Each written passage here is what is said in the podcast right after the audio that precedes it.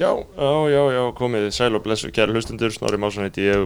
Bergþór Másson heit ég, verið sæl blessuð. Komið velkomin, verið velkomin í skoðanabræður, þáttnúmer, ég veit ekki hvað, í fjandarnum se- 60 61, Hann er örugglega að 62 koma út eitthvað í kringum, eitthvað í ágúst, gleðilegan ágúst og uh, Aha. velkomin inn í hausti, þetta er lang um, þráð, tím, lang þráð Já, tími ársins fyrir uh, skeggjaða menn. Já maður, Um, ég, uh, sjá, við, við uh, erum hérna í dag með uh, konunglegan gest, við erum hérna að taka upp á mánudagsmórnin okkur fyrr og áður en við smellum okkur inn í þann góða veistlu þátt þá held ég að sé mjög viðeigandi að við þyljum hérna upp þá sem saminsku samlega styrkja okkur um 30 dali á mánuði eða styrkja, þetta heitir að kaupa áskrift það, þið getur líka kæft áskrift á Patreon farið í Patreon appið og flett upp skoðanabræðum og þá fáið fullt af þáttum sem við höfum gefið út sem eru bara þar.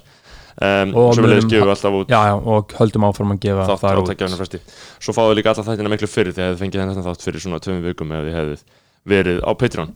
Um, uh, patreon.com skástu skónabræður eða Patreon appið.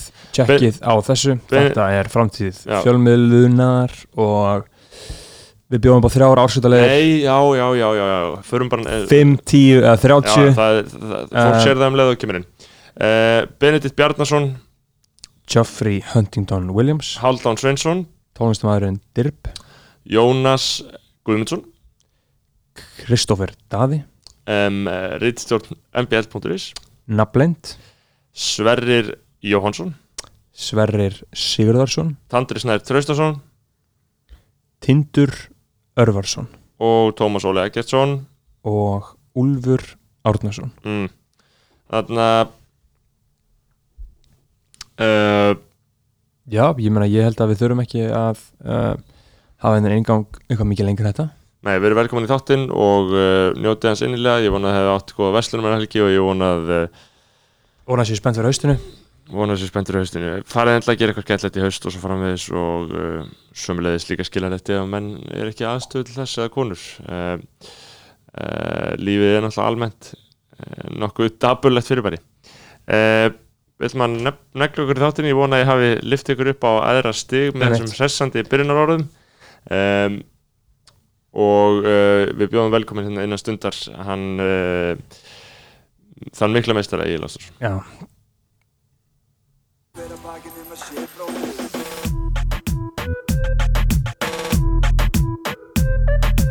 Hver að hver að bakið um að sé bróðir eigi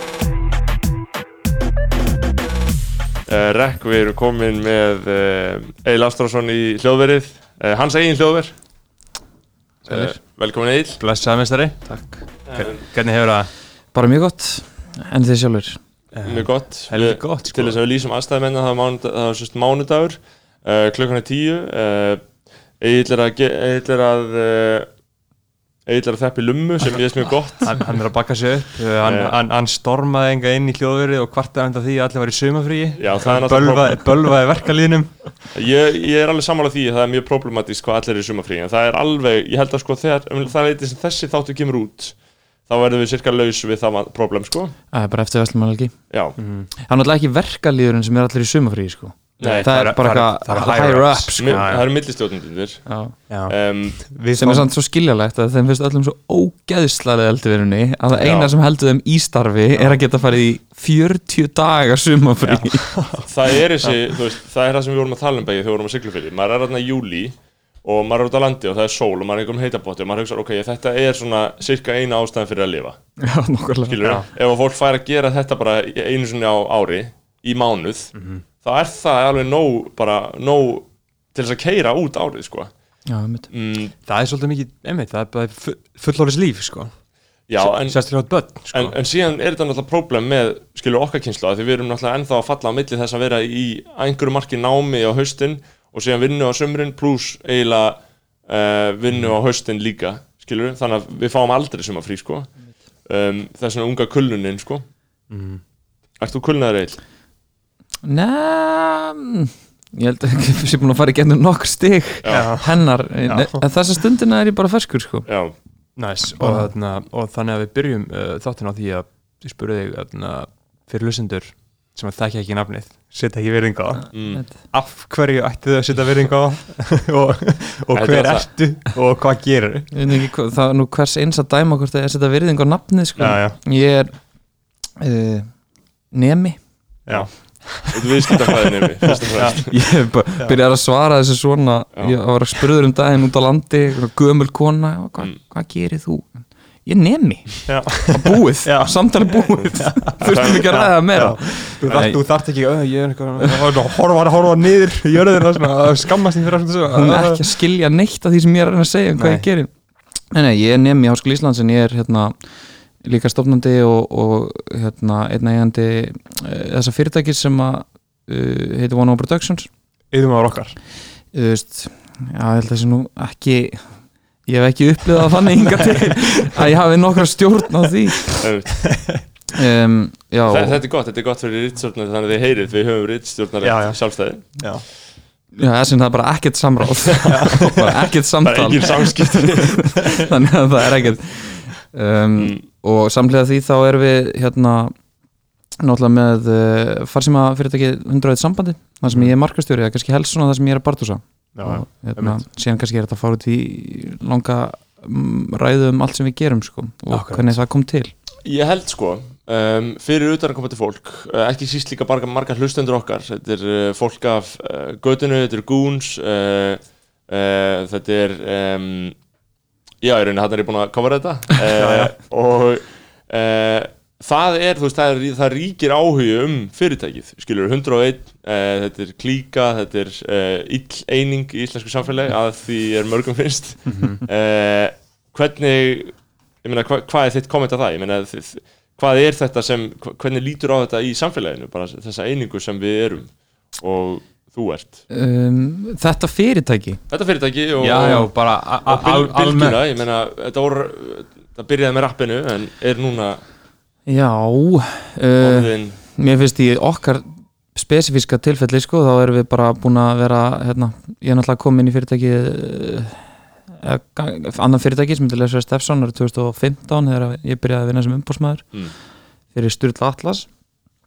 Um, við erum bara búin að vera sa í saminningu er hann að gera feitt út síðan sko já, síðan hefur það bara þróast og er núna komið á þann stað að við erum hérna með útastöð og símfyrirtæki og framlýslufyrirtæki og Mhm.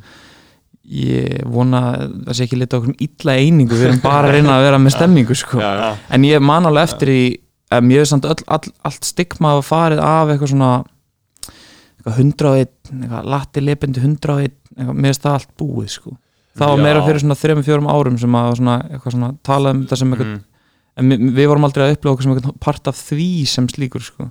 nei, nei, þetta er svona uh, það hefur alveg þegist af, ég er alveg sammála því og svona, eð- það er allan að orðið mjög svona banal umræða, það er ekkert einhver, einhver umræða lengur, sko.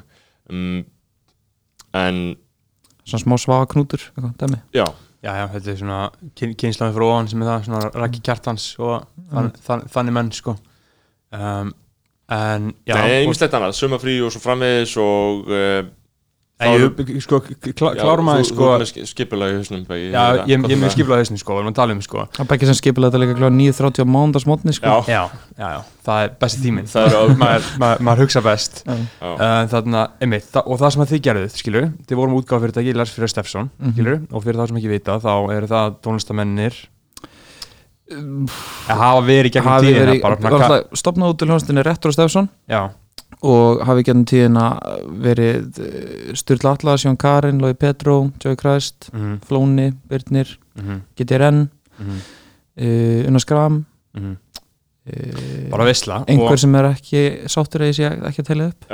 Einmitt, uh, En- og, og náttúrulega svo, svo, svo sem að um að tala bara um, við höfum reikið svona sögur appsins og allt svona blá blá Mhm. hérna í þáttunum sko og það sem að er ekki endilega sko, það sem að þið fá ekki endilega kredit fyrir það er að byggja til infrastruktúrin til þess að græða pening á því að vera rappari í dag, skilur sem er svolítið mikið sem að þið gerðið Sturla Atlas, þú og Bjartur og Logi og Jói og allt, allt í kringum ykkur, skilur þið byggu til það, þú veist, þið voru fyrstir til þess að gera það sem allir að gera í dag, skilur og þið eru rauninni spörku upp og ég veit ekki hvort að einhver hefði gert það, skilur nei, nei. en allavega þú veist, það verður aldrei tekið af ykkur að þið voru fyrstir til þess að í rauninni búa til það að spila á mentaskólaböllum og græða pening á þessum rappari og búa til hugarheim í kringum þetta þið hafa gert ylvat, þið hafa gert föt alls konar merch, alls konar vesir alls konar stúss í kringum þetta.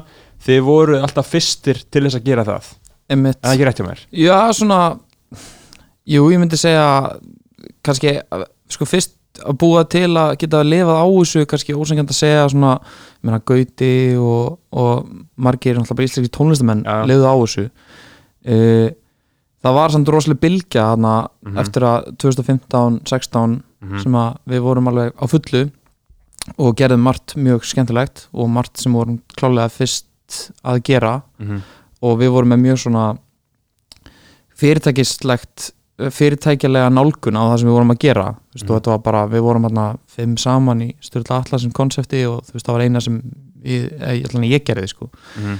um, og jú, ég menna síndu fram á að það var þetta að gera ímislegt Mhm. og síðan kannski mætti segja að mjög mikið af þeirri orku sem að við vorum að nýta þá sé núna notuð í bara menna, alvöru fyrirtækjarækstur Já. sem að við erum í í dag Mhm. þannig að uh, og það er framlýslu fyrirtæki eins og One One Productions og þið hafið gert og sín Alls- fyrirtæki al al alls konar YouTube-myndbönd og sjónvarstöðu fyrir stöð 2 já, og erum að uh, svona setjum tíð farin að færa okkur meira út í að gera sjónvastætti er Mhm. ekki, Og ég meina, með, í er ekki stað- bara með nokkra þætti í sumar eða?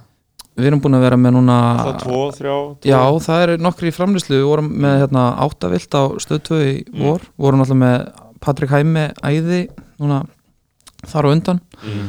síðan erum við að framlega núna þrenna, já já það er alveg margir þættur á döðinni, ég veit Mhm. ekki hvað ég má segja en En eins og með, en eins og með, en ég er samt að hugsa með eins og með, með gauta því að við erum að áfram að velta þessu fyrir okkur einmitt, hvernig, hvernig þetta var monetise, monetiserað að einhverju marki að, að, að, að vera bara einhver uh, tvítur rappari að það væri allt einu hægt að bara næstu því lifa því þó að það sé náttúrulega kannski ennþá flókið en kannski ekki fyrir þá sem eru mjög vinsalir, ég veit það ekki en uh, með gauta, ég meina, var það ekki bara með strákarnir og þeirri springu sem það var eitthvað mjög raunhæft fyrir hann að lifa alveg á þessu eða var það kannski, það var alveg komin nokkru fyrir kannski með giggunum og já, fyrir plötum Gauti þú Gauti hætti að vinna á bar LJ 2013 Já, eða 14 þegar gáði hann þeir Já. Og síðan, en þú veist, það var hark skilur, ég held að hann hafi ekkert verið að græða nægan pening til þess að lifa eins og hann lifir í dag. Og var strákarnir Fyrir- 2014 eða? strákarnir var 2015 Já, og, 15, og, og síðan kemur Vakka og Velta þarna. Já, og það verður Gauti bara lang vinsalasti Já, tónlistamæður á Íslandi. huge. það var insane sko. Ja, bara alveg yfirgengilega þarna, Strákarnir er líka epislag sko. Að classic sko. En þú veist, ég var bara mjög heppin ef við svona sörkulum að, að þú veist, mínum, svona mínum sem væri, þú veist, það ég var mjög heppin með að ég var 17 ára þegar ég fekk hérna eitthvað bóðum að koma, á- veit ekki stæðin Ítalíu og hérna, þar voru einhverjum menn sem sögust alltaf búið til rap konsept sem væri allt á ensku og eitthvað svona og ég var bara að dýrka þetta uh, en þú veist, ég var mjög heppin að það voru þeir kannski sem að fengum mig til að ég, veist, að, já, því ég, hefði, ég var það peppaður þegar ég var 17 ára, ég hefði Mm. tekið starfið á hverjum sem er sko, mm. svona þannig séð sko mm þannig að ég var bara mjög heppin að koma inn í mjög heilbært umhverfi sem að ég hefði verið kynntur í eftir að vera að vinna tónlistrátíðum með Siggu, einhvern minni og, og hérna fleiri góðum.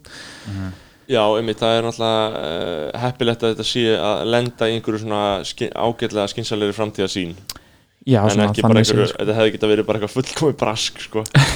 Þetta var það náttúrulega. Já, já. Mhm. og hefur verið það. En ég mann þegar við vorum sko uh, að því er náttúrulega allt sem við segjum hér er náttúrulega heimild ja, mér finnst- finnst mjög gott sko að þetta varvitist allt sko um, og þetta er það sem ég hef sagt ég var með þess að segja við í stúdíónu hinum með um daginn að varðveisla er ekki eitthvað sem gerist sjálfu sér sko. uh, heldur þarf bara að búa til heimildirnar skilur, og þetta Facebook drast við höfum talað um það begge líka að þetta hverfur allt sko. þetta er allt bara eitthvað duft sko. einhverja devafrettir og eitthvað svona drast en hann ekki það sem ég ætla að segja ég, var að tala um, sko, ég man þegar við vorum að selja uh, mörtsið, peysurnar. Já, og það var umfangsmikið sko. Mhm. það voru bara heilu farmarnir af bólum, peysum og alltaf einhverju tilfallandi húfum og treflum mm sem var bara mert bara Sturla Atlas. Já, já, og síðan kom bara einhverjir gúns tíundabekkingar, mentskólanemar og mókuðu þessu inn í mentskóla neða sérst jólagjafirna sko. Seldum við í Maklandi um, og það var svo mikil stemning Þorlóksmessa það var gaman, við gerum það hvað tvisvar eða þrisvar Já. held ég í Mm. þorlagsmessu það var geðið sko. Og bara, þú veist, mikil reynsla sem að maður fekk úr öllu þessu dóti ég meina, það var, ég hef aldrei átt lager áður, aldrei flippað einhverju þú veist, ég ætla ekki að segja að þetta hefur verið eitthvað brjála business case sko. Nei, Það var- nei, er við bara- gáum líka jólagjafir sko það, bara- margínan dóldi hrundið þar sko. Já, núna verð ég að vera svo Kristín Tómasdóttir og beður um að laga þessana hirtnatóli heyrndólin, já, með svo Já, sko, við, við, við skulum þarna skipta um hirtól Já, við erum sko byrjað núna að tölu um tæknimál í þættinum. Mér finnst það, Beggi, þannig að þú getur, getur Og- hlúð að Já, og það, þessari er, tengingu. einmitt, og það er betra að ég sé að hugsa um hirtólin en þú. Ég var búin að lofa því, ég lofa sjálfur mér að ég ætla að segja að ég væri sæmilega hamingisamur hvít karlmaður í, Já. Í hérna, hamingisamu parsambandi Já, sem ég er Já. Við vorum að ræða það hérna í, þú hlustaður á Kristjáni Tómasdóttir Já, geggjað þáttur maður. Já, Ég er ekki. bara- Já, Mér finnst þættirnir alltaf Mér finnst hérna, að ég er í skoðanabræðleginu Tökum Já. það fram, Já, svo já. setja virðingu á ykkar namn já, takk Og hérna, ég, mér finnst þættirnir alltaf sko skemmtilegri eftir því sem ég þekki fólki verð sem er inn í viðtali Já. Já, ok Uh, ég held að það sé bara eðlilegt. Já, já. ég held að það væri til mjög óeðlilegt ef að allir krakkarnir á skrifstofunni hefðu geðið gaman að heyra mig tala. Já, að þau eru alltaf að heyra mig tala. Akkurat. Já, ég, mitt, ég er svo vanur því að aðna, fólk sem ég þekki sé í, eða svona bara eitthvað fólk sem ég þekki mjög vel sé mitt að, eins og Beggi þú ert með þitt laðvarp og Jakob með eitthvað útvarsátt og það var bara alltaf þetta útvarpenni í gangi skilur, Mm. þú veist, ég er svo vanið að fólk sé í útvarpinu eða eitthvað sem ég þekki og ég hlusta eiginlega aldrei á fólk sem ég þekki í, veist, bara, það þarf mjög mikið til einmitt, þannig ég tengi við þetta sko, en Kristín var góð, hún var að fakta hluti um þetta góða parsamband sem stopnun í samfélaginu. Og það var... skemmti mig mjög vel að heyra ykkar viðbröðu því Já. Já, já. Það, það var uh, ég, var, ég hef verið að förnum vegi og fólk hefur verið mitt sett virðingu á Kristínu sko, Einmitt. og, og pælingarna sko. Æ, Þetta þetta er eitthvað shit sem að er, veist Ég, ég, vissi þetta ekkert, skilur Nei, mjög, mjög áhverð þetta parsambandi sem stopnun eitthvað dæmi. Já, mm.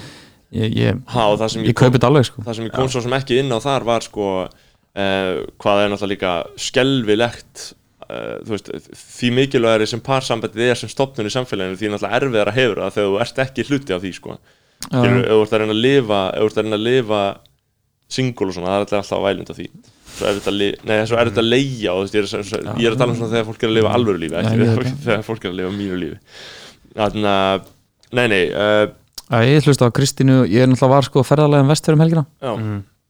uh, og ég keiriði mjög marga kilometra og einhvern veginn á einhverjum ótrúlega ástæðum þá hlustuðu við eiginlega bara á ykkur. Næs um, en líka bara þögnina. Vorum, ég var í ferðarlega með Antoni við nokkar sem er Mm. náttúrulega dásalega manneskja og Já, king. eitt af því betra sem við getum átt er að segja bara ekki neitt. Ég held að við hefum ekki sagt neitt í klukkutíma þegar hún að gera í stengursfjörði á einmitt. bara ekki orð. Mm. það var er alveg bara væp mesta kvíld sem ég fengi bara í mörg Já. ár sko, Já, að segja ekki neitt sko. einmitt. En, en þarna, og hvað voru að gera á vestfjörn við bara, ég, ég átti bókað hérna, já, í einhverju ás sem ég kýsa ekki að nefna sem að er, ná, ætlar hann að halda henni lindi mm já. það er svolítið leyndamál í sér við, Nei, bara svona Þetta þetta er nú ekkit, þetta var ekkit eitthvað geggjað sko, bara uh, svona, konan sem seldi mér þetta svona seldi mér þetta með semingi af því ég leta hana ekki friði sko, mm. hún svona eiginlega vildi ekki gera það en svona, jú ok, ég mátt koma á eitthvað, Ok, en ég ætla ekki að fara að senda, ef það skildi vera kannski tveir eða þrýr mm. Mm. veiðmenn eða konur sem er að hlusta þetta jú, jú, já, já það kann að vera það væri gaman að heyra í þeim ef, að, ef að það er veiði samfélagi En mjög gaman að þegar Benni var útskýrið þetta fyrir ykkur, finnst að ná ákveld utanum þetta Já, veiðina, já, sportið um, Já, Mhm. þetta er þarna, Þetta er eitthvað sem ég ætla mér uh, á einhverjum tímpúti að hugsanlega gera en menn eru búin að vera í uh, Mm. uh, ég er bara svo ógeðslega upptökin það er bara ekki Mhm. hægt að gera neitt Nei, nei. Mm. ég held að, mér finnst þetta ég, kom, með- ég er heldtekinn af þessu vandamál í íslensk samfélagi sko, sem er alltaf bara er mér að kenna að mörgu leiti að gera þetta Þú, hef, þú hefur val, sko en maður hefur val, en engu síður sko, þá er þetta samt, sko, maður svoast inn í svartóli sko. og ég var líka að hugsa sko, ef ég vil, ef, ef ég vil til dæmis fara að ferðast á einhverjum tímúti fara út úr landinu og vera annar staðar, bara gera ekki neitt eins og þú gerir berður, Já, þá, einmitt, þá er sko, því meira sem þú vinnur því, því bara skuldbundnari ertu sko. Þú ert alltaf að festa þig. Meira og meira og meira, sko. Einmitt. þú ert bara reyður einhverjum fjöturum skilur um, Þú getur samt alveg farið bara út á landi og reyna helgi sko. já, Þú er ekkert verið að gera það til dæmis. Jú, ég hef gert það nokkuð mikið. Já, ok. Ég hef gert það mikið og ég er að fara næstu helgi. Já, ok. En ég hef bara aldrei að gera neitt, þú veist, ég hef ekki erind út á land. Þú hefur veiðina, sko ég þarf alltaf bara að fara í einhver slöku, við erum að fara núp næstu helgi, hvað er að gera á Vestló? um, Ég ætla að fara í Ég er búin að vera Já, þú ert að fara í veiði þá Ég er búin að vera heppin sko. Ég er búin að vera í tökum á Ég er að framlega sjónvastátt sem að gerist allir út á landi. Og ég er búin að vera um all land. Einmitt. Og er að fara þangað bara aftur á morgun. Eða veist, ekki þangað, ég er að fara út á landi aftur á morgun. Já, Og svo í beinum framlega því að ég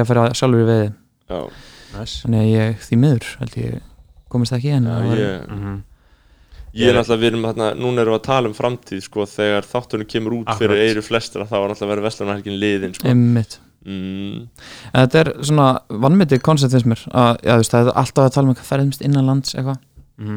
en þú veist, ég bara var á Flateyri og ég fór í partí á Þingeyri á lögadaginn og bara gaman, eða? epist, Já. já, epist ég er, Þetta er nefnilega heldur valmyndi sko að allir hefði mjög gott að þessu sko Ég vildi að ég geti gert meira þessu sko ég er mikill talsmaður þessa, við vorum Já. þarna, ég var að núpið þetta dýrafyrði um daginn og þar, það var algjörlega byltingakent, sko, ég held ég hafi sagt frá því hérna í hlaðarfrún áður, en það, mér varst, mér varst vest fyrir sérstætt dæmi, sko, þess vegna er ég svo spenntur að fara aftur, Já, sko. mjög gaman, Um, um að gera að fara á austur líka já, ég hef ekkert verið þar, sko. Já, ég er að fara austur um helgina sem að verður liðin hana. Ég Já. var í partí, ég var sko einhverju episku liði að ég veit nálega hvað fólk þetta er er Pétur og Lára og þau eru bara bara, þú veist, þau, þetta er bara Þingeyri bara þeirra bær Já, Mhm. og ég, við erum á Flateyri og við heyrum bara eitthvað svona kvísl í götunni bara það er partí á Þingeyri, partí á Þingeyri eitthvað og Mm. hérna, því að við erum okkar að spila þar og síðan komum við þá bara eitthvað, þú veist, þegar koma, ég veit ekki hvort það er þetta er Jú, ekki jú. stór bær Já, og Flateyri er ekki stór bær og Nei. Suður er ekki heldur en þú veist, það er bara eitthvað garðpartí og það er bara eitthvað sett upp eins og bara alvöru svið í Mhm. garðinum hjá þessu fólki Mhm. og svona 200 manns og ég horfði bara á, þú veist, það var bara huginn, úlfur, úlfur, jópi og króli. Mm, Nice. það var bara tónleikadagskrá sko, Mhm. bara full tónleikadagskrá. Á Þingeri Já, geðut við Þe- þetta, er það sem, þetta, er, þetta er það sem þarf sko. uh, og það var ekki auglýst sko. Nei, þetta er bara eitthvað þetta var dæmi. bara eitthvað svona þetta var bara eitthvað garðpartí. Já, þetta er bara, Já. Ég if you heyri- know you know sko. En ég já. verði þarna í dýrafæri rétt bara hinum með við, hinum með fjörðin sko, við þingari, maður er bara kortir yfir. Þá tjekkur að Pétur og Láru, Ég heyrði að það væri eitthvað sjúkt sitt í gangi þarna um Vestlunarhelgina eflaust sko. Man ekki alveg hvað það var nákvæmlega. Um, En um, En þarna já, Eh, það þarf að ræða ímislegt Já, Við við erum við- komin við- með- við þurfum að fara í hitta þetta sko. Ég set ábyrðan á ykkur að leiða mig í gegnum þetta sko. Ég Já, við að tala um hvað sem er. 100% Þarna uh, Egil sem við rættum einhvern veginn um daginn sko sem sagt þegar var rifrildi í Vesturbæðgrúpunni uh, beint í umræðinni Já, já, það var sem sagt verið að rífast um það uh, hvort það verið betra að fara í Vesturbæðskóla, Grandaskóla eða Meðalskóla Já. Nei, er það ekki rétt? Uh, jú, að, að, það snýrist í rauninu um bara grandaskóla eða að þú já. melaskóli er eiginlega ekkit, það er ekkit val þú veist, ef þú Nei. býrð á því svæði þá ert að fara í melaskóla Já, einmitt, Já, þetta er akkurat. eiginlegt val, ok. En, en þú getur valið að byrja það millir hringbreytunum ef þú ert þannig eitthvað Já, já, það er eitthvað sko. lágholtsvegi, framnesvegi eitthvað, þá getur þú valið þannig. Það getur akkurat, valið með Grandaskóla og Vesturbæðskóla og, þarna við vorum báðir í Vesturbæðskóla uh,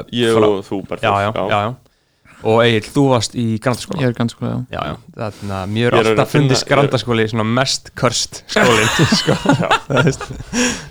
Hann er svona hann er svona káeringaskólinn svona naziskólinn sko.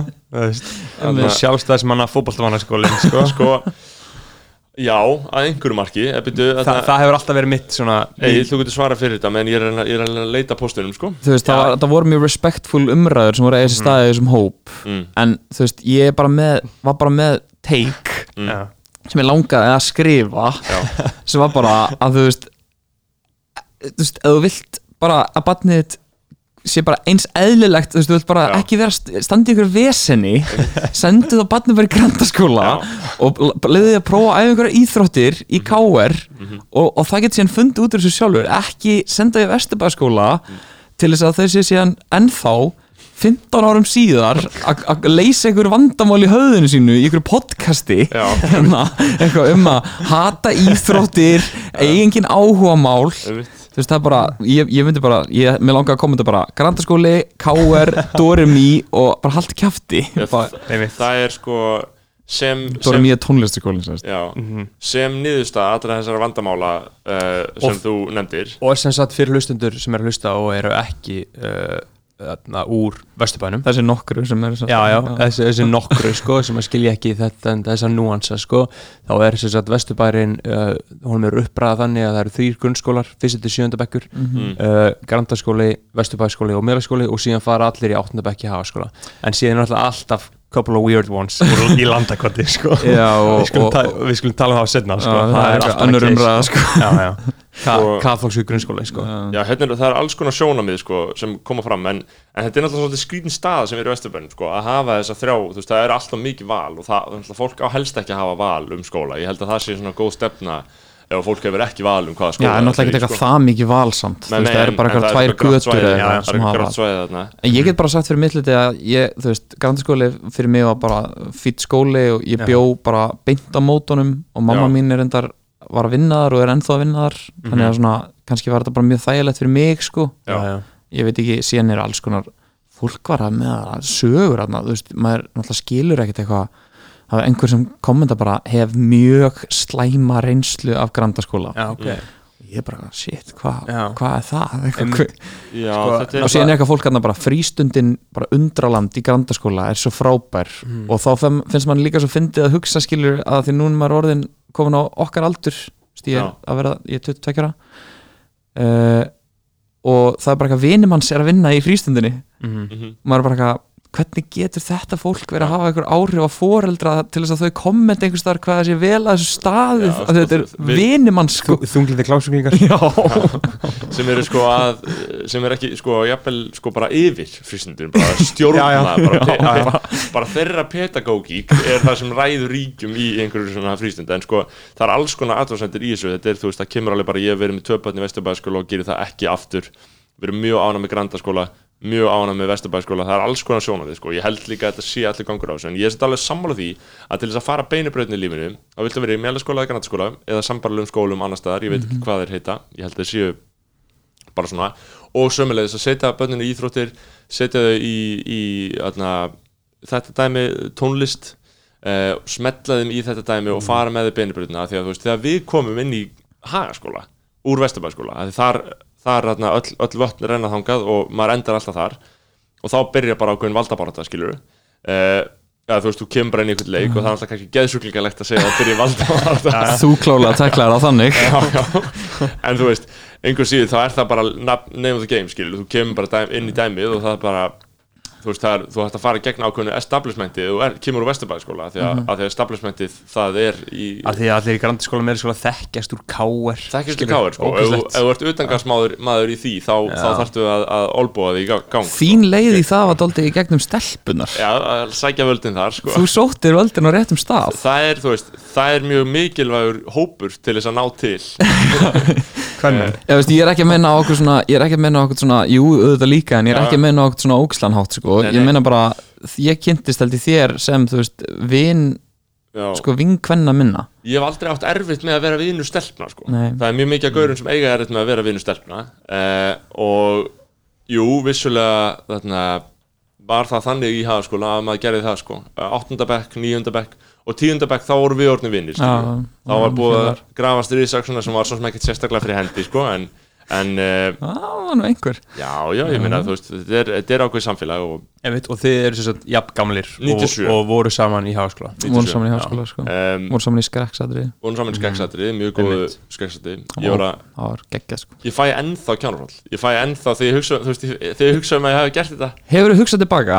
Já, og, og þetta eru sko, góða vinkonur okkar sem sömdu atrið og okkar svona, það voru allir bara í þú veist, níunda bekk skilur Mhm. en hefur hugsað tilbaka og hugsað um hvað atrið var ekki með góðum út, þú veist, hvað var það? ég, mér minnir að við höfum verið að tákna eitthvað þrjár típur af sorg og mér líður svo, ég, eins og ég segi, mér líður ótrúlega þetta er- þetta eru erfiðar minningar sko. að hafa tekið þátt í þessari listsköpun og þetta, vor, þetta var eitthvað gítar og eitthvað eitthvað það grenn var hann að Sting, hann að Shape of my heart Já, eitthvað svona Juice WRLD samlið. Já, sko, ándjóks, nema bara langt áður. Já. Þetta var bara eitthvað hip-hop remix Já. sem var bara basically síðan það sem að Juice WRLD gerði. Einmitt. Það er þetta, ég aldrei pælti því, það er rosalegt. Það er góð vinkill sko.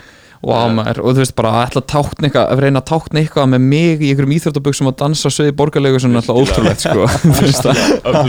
Ég var að dansa ég var að dansa og ég var eitthvað með eitthvað svona má- málingu í ég, eins og ég segi ég er ekki alveg, ég er valla að fara að geta að hleyja Nei, þetta er eiginlega ekki fyndið sko. Ætli þessi tilhengstar á YouTube eða? Nei, sem betur fyrir ekki á YouTube en þú veist, ég veit ekki hvort sé til yfirleitt upptaka af þessu sko. Ég held að við vorum meila það var aðeins áður en Já. það varði einhvern Já, já. basic En- að eiga upptöku á En öllu það er náttúrulega ótrúlega áhugavert að þetta hafi bara farið fram og það var ekki eitthvað svona hei það verður að taka þetta upp að við vorum nei. ógeðslega lengi að vinna þess að það er ekkert mál að taka þetta upp sko. Já, nokkulega Ég, Eh, ég vil bara endilega þarna, ef einhver sem að er að hlusta Já. og þekkir til þessa, þessa tíma og þessa hóp skilur endilega reyna að grafa þetta upp, það væri gaman að sjá þetta En Ég man ekki að skýrta eftir einu, Fuck, ég, einu ég, ég, væri, ég væri pyrraður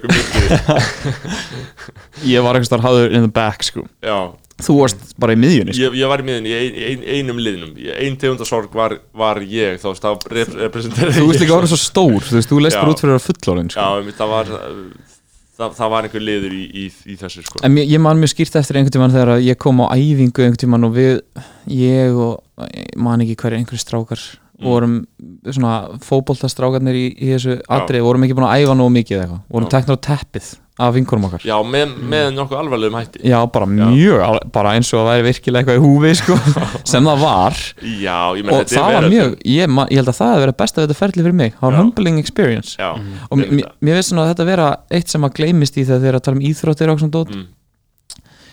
sko þið er að vinna með fólki og getum kannski komið betur en á eh, marg, marga salmaði því eftir að því ég vinn með mjög mikið góð fólki. En, en þegar maður er að vinna með fólki þá finnst mér ég taka eftir því þegar fólk er aldrei í íþróttum mm. Ok, Se, elaborate að því bara það er eitthvað svona sem þú þú veist, og ég er ekkert að segja þú- getur alveg fengið úr öðru en íþróttum Mhm. en allan það sem að mér finnst jákvætt þú veist, að því ég er alveg, ég hef aldrei þú veist, ég hef aldrei kunnað við eitthvað svona klefamenningu, að þú veist, ég elska klefan sko, eins og allir segja, að geðveikt að vera í klefanum, mm en ég hef aldrei fílað, þú veist, þetta svona dark side af því sem þið talið mikið um, eitthvað svona ömuleg viðhorf og eflaust, Mhm. oft svona mjög flóknar og erfiðar tilfinningar ykkar kvenna og svona dót, Mhm. ég, þú veist, það minnst þetta ekki Ég nota það sem ákveðin sko, skotspón en ég er náttúrulega en það er náttúrulega líka hræstni að ég skuli fara gegn slíku sko, því ég þarna, Nei, þú veist, það máli setja þessa gaggrinni fram að einhver leiti og þú veist, ég hef oft verið í þeirri stöðu án þess að ætla ekki að fara að mála mig upp sem einhver, dyrling að ég veit ekki hversu oft hefur verið eitthvað komment og síðan eitthvað, eitthvað, eitthvað Já. svona, skilja. Og þessum sem er svona, eftir að hyggja kannski alveg bara svona, getur maður hugsað tilbaka og hugsað, það er fínt kannski að ég hef verið með eitthvað svona mótvæði því. Mhm, Mhm. eh, en það sem að þú færið þú ert í íþróttaliði sem að mér finnst svo dásanlegt og ástæðan fyrir ég tek ennþá þátt í íþróttum í dag eh, að einhver leiti er hérna í stjórn knastmjölulegs í þriðudeld er að það er eitthvað svona sameiginlegt bæinn, eða þú veist það er sameiginleg ábyrð, það er allir að vinna saman að einhverju hlutverki mm, og þú veist eins og bara maður lærði óslega mikið að því að þú veist þú mætir ekki seint á æfingu ég mætti smá seint til eitthvað í dagsand Já, ég var, ég, Hál- hál- Hálftíma sent já, ég var, ég, afsakaði mig, ég var að, ég var Já, að gera það hluti ég, ég fyrir ekki það sko. uh, en þú veist maður mætir ekki seint. Mhm. þú veist, og af hverju mætir maður ekki seint og eina, eina útskýringin sem hún fer í íþróttum af hverju mætir ekki seint er út af því að allir hér eru búin að vera sammála um að við ætlum að mæta kláðan 5 Mhm. og ef við erum ekki sammála um að við ætlum að mæta kláðan 5 þá erum við aldrei að fara nánum árangri í því sem við erum að gera skilur, af því að þá erum við ekki, er ekki með sammælt bæinn í eitthvað annað skilur og, og þú veist að, að, hérna bara svona alls konar svona hlutir. Sko, svona ég, kofvera fyrir hvern annan og þú veist, við erum að, svona, svona að vera saman í þú veist, ég væri til í að ef einhver myndi benda mér á einhvern stað í atvinnulífunu þar sem að fólk er jafn þú veist, ég, og ég, eina sem ég sé eftir er að aldrei tekið þátt í íþróttum á okkur svona almennilegu leveli, því ég var aldrei góður í neinum íþróttum sko. uh, en þú veist, þannig að verður bara alvarlegra eftir því sem þú kemst ofar og þú veist, eitthvað. Og ég væri til að sjá einhvern stað í atvinnulífunu þar sem það er jafn mikið samstaða og sameiginlegt bæinn eins og í, þú veist, alvöru íþróttaliði mm, já, bara, og það er ekkert að gera með hvort það er kallar eða konur eða bara, bara, við rættum bara alveg íþróttalið þar sem allir eru að róa í sam, suma átt. Ég held að mörg fyrirtæki getur verið sko miklu, miklu, miklu árangusríkari ef þau væri með samil, jafn mikið bæinn og já, svoleiðis sko. entity uh, ég, ég, þarna, ég er alveg samanlega þessu og ég, bara, ég skil fullkomlega þarna, ég skil fullkomlega það sjónum með að ég meina þú veist bara það er alls konar svona gerpi sem eru bara algjörlega utanveldi og fatt aldrei einhverja liðsheildi eða virðingu fyrir tíma annara eða neitt slíkt skilur og þetta er náttúrulega ákveð uppeldi sem getur komið þarna líka annar staðar. En mér finnst líka sko bæinni og entity, þetta er það sem við vorum að tala um sko um, það sem við vorum að tala um þetta í síðasta ætti við högna og við vorum að tala þetta stjórnmálaflokka. Og það var þarna og það var var komment inn í, í skoðanabræðarleginu meira svo um sko hvað umræðan um stjórnmálaflokka hefði verið góð. Uh, ég veit ekki hvort við höfum farið eitthvað djúft inn í þetta en þar finnst mér það sama vera dæmið þú veist, þú ert bara á einhverju stað og allir eru bara heilaþögnir af henni góða markmiði mm. saman hvort það sé að sigra deildina eða bara vinna kostningar og fara í ríkistjórn kúa verkaliðin. Kúa verkaliðin það er alltaf allir sammála um það. arræna verkaliðin sko. Hilma yfir og þakka niður í hlutum og Já, já. alls konar svona En- sko. En það bara er ekki hægt að eins og við, við höfum líka sagt, það er bara ekki hægt að finna samleið minn einu góðum stjórnmálflokki núna uh, ég var að hugsa þegar þú varst að segja þetta að þú varst að tala um að vera erfitt að til eitthvað svona hópi og, svona. Og ég er alveg sammála ég meina, það er, allir vilja þetta vona ég, eða þú veist, ég held að allir ætti að prófa þetta að einhver leiti, af því að það er eitthvað svona bara við það að vera maur í einhverju liðsheld, já, það er svo mikil einstaklingshyggja í samfélaginu í dag. Við svo ég ætla að fara á okkur svona aðeins dýpri nótur. Mhm. en mér finnst eins og að, mjög mikið að menn sé að tala um hugsa bara um sig Mhm. og sem kemur eitthvað svona wave af eitthvað svona self-care. Yeah, yeah, yeah. Eitthvað svona sem er mjög þú veist, gott sko, en að einhver leiti þá þú veist, hvernig hætt stoppa self-careið og þú ætlar að pæla í einhverju öðru en þér sko. Já. og svona hópadót er fínt fyrir það. Verið í kór eða eitthvað. Ég langar alltaf að byrja í kór. Við, Eil, við verðum beinlinni sko bara að keira á það núna. Mér langar mjög mikið núna þetta í kórin við þurfum að fara í Eh, domkórum þá, Já, ef við ekki skella okkur í það. Við getum gert það sko. Ég væri bara mjög áhugaðsam Já. núna. Sko, uh, en þetta er líka einmitt það sem, þú veist, þessi, þessi individualismi og einstaklishyggjan sem er svona veist, ég, ég hef ekki alveg fórsett til að segja að hún hafi orðið meiri núna Nei, nei. en þú veist, hún er mikil, hún, hún hefur aukist Mm. sko samlega því að trúastofnanir fara niður skilur að fólk trúi ekki Á- næst lengur ákveðin teóri, já. Ég bara dyrka þetta, ég sammála þessu. Já. Þarna, en Já, finnst ykkur þetta ekki, er það ekki bara 100% nei, nei, nei, þú veist, við- bara sameiginlega gildi Já, skilur. já, bara og- þú veist, það samfélagi byggt upp Nei, og- af bara kirkjunni. og, og, það sem, nei, og það sem ég, eina sem ég vil er, að, er tilfinningin um samfélag sko, að við séum öll í sameiginlegu verkefni að einhverju marki, skilur, en ekki bara að þú eigi bara að verða ógeðslega ríkur og síðan eigi bara allir líka að bjarga sér. Ég skil bara ekki akkur það virkar eitthvað betur en bara einhvers svona sameiginlegt kerfi, skilur Einmitt. Og ég hugsaði sko við gripin í að því að þetta svona kannski ekki að fara nettir semra er hérna eh, ég hugsaði sko að þið buðum mér þáttinn Mm. og ég, ég segi bara svo Kristinn Tómasdóttir sko ég var, var ekki búin að vera móðgæður en ég hugsaði já auðvitað ákveð ekki og Já. hérna og hérna e, síðan sá ég sko fyrsta sem ég sé eftir að þið buðum mér þáttinn ég segi já er að högni sé að koma Já. og ég var bara oh my god, hvernig á ég að geta komið hérna eftir, eftir honum? Hvað er ég að fara að segja sem að, síðan, og síðan því ég hlustaði á þáttum högna bara tveir tímar það sem að bara ekkert nema epic kemur út úr honum. Og mína sögur er bara eitthvað ég var á þingeri en eitthvað, hann er bara eitthvað á vespu á sikilei bara fyrir tveimum mánuðum. En, sko, að- munurinn til dæmis ef við förum í mun, munin á þér og högna sem viðmann þetta, er til dæmis að högni er búin að fara í bara þrjú viðtölu á ári við rást tvö síðustu sex ár, skilur Já, þú veist, hann er bara hjá Óla Palla, skilur þú veist, ég, segi ekki honum, en bara það er málin. farið um málinn, skilur, hann að uh, en mér stæðlega, ég bara, það það er kærlega fyrir búið, það er Já, gaman að já. koma það er gaman að segja frá ymsi sem við erum að gera. Ég kannski fór ekkert eitthvað yfir, á mjög yfirgrifsmikilin hátt yfir allt sem við gerum. Ég er mjög stoltur af því sem við erum að gera hérna sem Já. Mhm. fyrirtæki, mikið ungu fólki sem er að gera mjög góða hluti. Einmitt, og síðan með í sko að við förum í það náttúrulega í sko skoðanabræðra lórinu skilur við, Mm. þá var náttúrulega að spila þú stort hlutverk uh, þarna í mæ 2019 þegar þú þarna, þegar við vorum að ræða að gera hennar þátt og eitthvað svona og svona, þá, þá hefðu við þér og þarna og þú stakst upp á að við myndum hafa kallmann vikunar já, var það þín það var ég já. en það ert þú mikill svona MRA, svona men's rights aktivist og mjög Já, já. umræðu á Twitter. ótrúlega þetta að snúa því á mig eins og það hef ekki verið jafn fyndið þegar ég sagði það eins og þegar þið segið það alltaf Mm, uh, og stakst upp á að við myndum bara fá góðan kallmann í hverju viku bara spurði hann hvað hann finnst það er náttúrulega að vera að þakka niður í kallmann í í íslensku samfélagi sko. andjóks, það er svo mikið erasure Já, á já. kallmanns skoðunum já, Og já, bara- það er bara að vera að uppræta okkar kultúr En sem hvað kallmenn finnst ykkur um það að það sé fólk sem segir að raunverulega samfæringu að tjáningafrelsið sé hættu? skilur, mér finnst þetta svo magna Já, já, ég, ég get að ekki bara skilja að hugsa hugsunna og segja bara að tjáningafrelsi á Íslandi sé hættu. Skilur, Mér finnst það líka bara þetta sem, þú vilt sem ekki segja eitthvað þú vilt sem ekki geta sagt eitthvað og það var eitthvað sem ég var að hlusta sem var svo geggjað.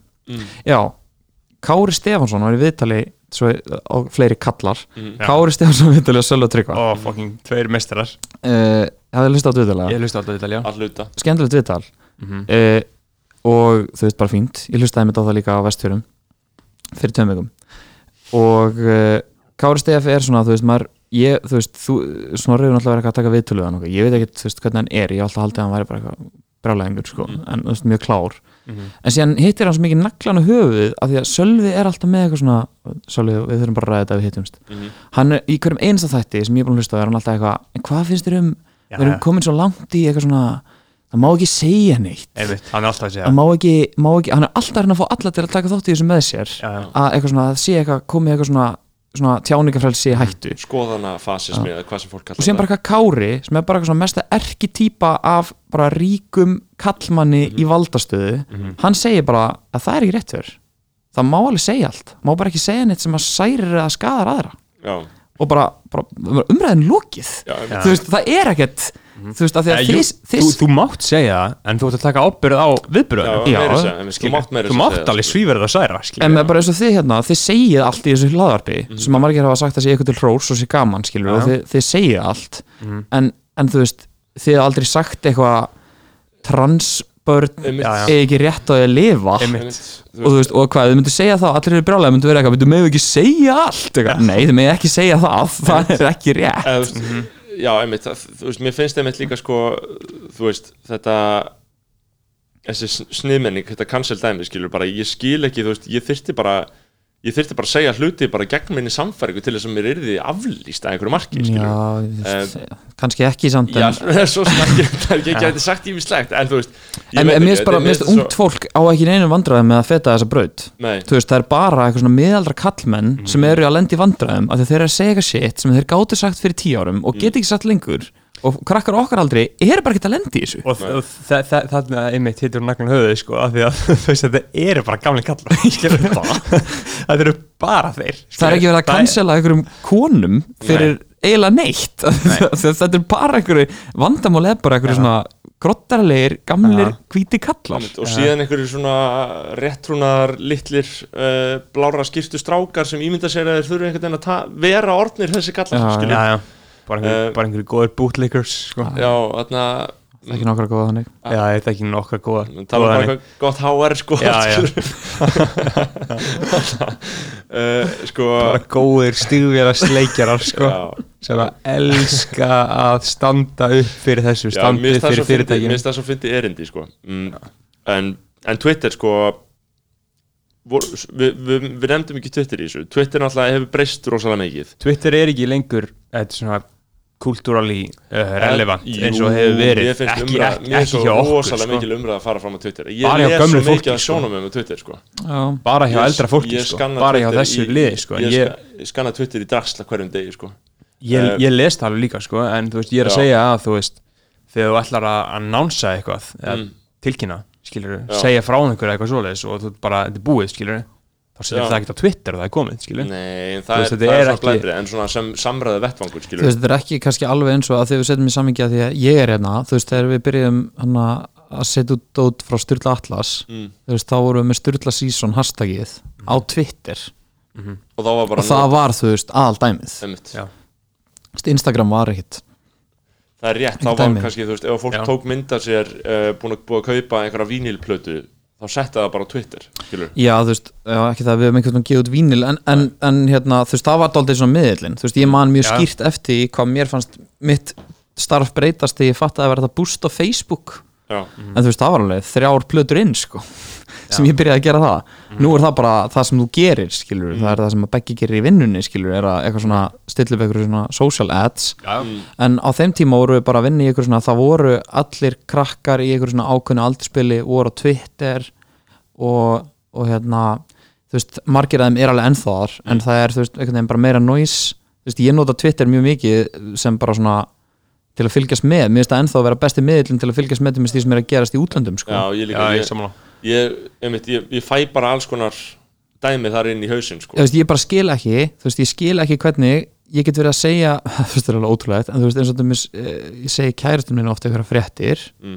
og þú veist, ég skil ekki hvernig hún hefur ekki heyrt af þessu. Nei, að þegar fyrir mér þá var þetta bara komið á Twitter í gerkvöldi já, og það er bara búið að greina þetta í þaula skilur, síðan þá, ég veit allt um þetta skilur, Já, og ég maður er bara búin að lesa tvo, þrjá þræði Já. skilur en síðan veist mér líka bara að vera oft vannmyndi grín í gangi finnst bara, ég, ég hef sagt það líka Ég er bara ofta að sjá einhver tweet og ég er bara djöfull er þetta fucking fyndið. Bara einhver, bara mím og einhver blæbreyði og eitthvað grín skilur eins og þarna ógeðslega fyndið þetta dæmi þetta með Þú veist, bara dæmi um eitthvað sem maður sér ekki, maður er ekki, þú veist, annarkvort að þessu, hugsanlega TikTok, er þetta gaurinn sem var fyrst með þetta byssuna, þú veist, þarna var einhverju hermenn sem var svona að snúa einhverju byssu í margar ringi, sáu þið það? nei.